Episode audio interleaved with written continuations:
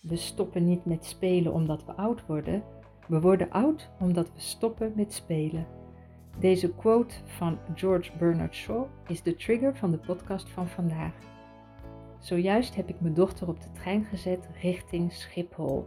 Ze vliegt terug naar Zwitserland, waar zij woont. En net voordat ze vertrok, zei ze: Mam, zullen we nog even gauw een spelletje doen? Wat wil je doen? Zullen we nog een boggeltje spelen of een rummy of een balie? En ik zeg: Ja, laten we boggelen. En elke dag sinds vrijdag hebben wij tientallen spelletjes gedaan. En we zijn de natuur in geweest en we hebben elkaar gemasseerd en we zijn de stad in geweest. En ik heb hier en daar toch een paar dingen gedaan voor mijn onderneming, zoals bijvoorbeeld deze podcast opnemen, al deze dagen. Maar de hele planning heb ik omgegooid toen zij onverwachts vrijdag eh, als een verrassing echt voor mijn verjaardag opkwam dagen. En we hadden elkaar natuurlijk al een hele tijd niet gezien vanwege de pandemie en we hebben echt bijgetankt door het samenspelen tanken we enorm bij. En sinds ze klein zijn, mijn kinderen, alle drie, hebben ze dat. Die liefde van het spelen. En ook het fanatieke van het spel. Namelijk het beste spel spelen. En er alles aan doen om te winnen. Van mij natuurlijk, maar ook onderling. Ja, sinds ze klein zijn heb ik dat eigenlijk aangemoedigd. En niet zozeer om ze te laten winnen, omdat ze dan ja, competitief zouden worden. Nee, meer in de zin van kijk hoe fijn het is om het beste uit het spel te halen en de ander ook zijn winst te gunnen. En ik zie dat dat echt goed heeft gewerkt, dat ze alle drie het beste uh, voor zichzelf willen. Ze willen ook echt winnen, maar ze gunnen anderen ook echt het winnen. En dat is natuurlijk ook een plezier. En toen ze klein waren, deed ik ook nooit alsof. Ja, natuurlijk hield ik er wel rekening mee dat het kinderen zijn. Uh, en dus hield ik er echt rekening mee dat, dat het nog voor hun ook plezant bleef, zou ik maar zeggen.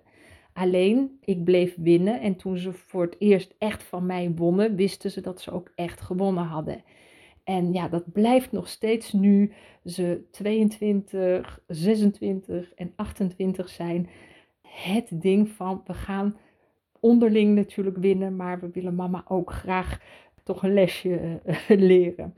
Uh, de afgelopen dagen heb ik heel veel gewonnen. En uh, ja, dat is gewoon super leuk om dat parcours te doen, zou ik maar zeggen, om het spel te spelen.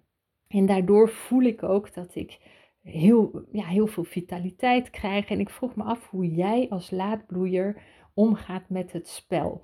Ben jij heel competitief? Ik vind mezelf niet competitief in de zin van dat ik de ander absoluut wil verslaan.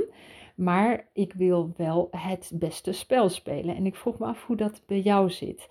Ehm, en wat ik ook heel erg intrigerend vind met het spel, is zoals volgens mij was het Plato die dat zei, dat je meer ontdekt over een persoon in een uur spel dan in een jaar conversatie. En als je kijkt hoe iemand speelt, kun je zoveel over die persoon ontdekken. Dus ik vroeg me af hoe jij speelt. Speel je spelletjes met jezelf bijvoorbeeld? Hè? Dus uh, weet ik veel, een puzzeltje of kaarten leggen of misschien bridge je wel. En wat ontdek je over jezelf in een uur spel, wat je misschien in een, jaar lang conversatie met jezelf in je hoofd niet uh, zou ontdekken of misschien nodig zou hebben.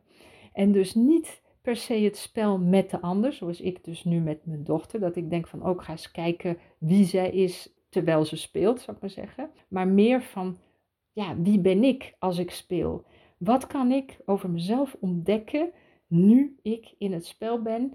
En hoeveel woorden en conversaties hoef ik dan niet met mezelf te hebben, terwijl ik zoveel in een uur over mezelf kan leren.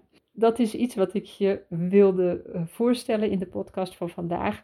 Ga eens een spelletje met jezelf doen of met je partner. En blijf een beetje de toezichter naar jezelf toe en naar je partner of je kind of je vriend, vriendin, de persoon met wie je dat spelletje doet. En als er niemand is met wie je kunt spelen, Ga dan eens een spelletje met jezelf spelen en probeer eens te ontdekken wie jij bent als je speelt.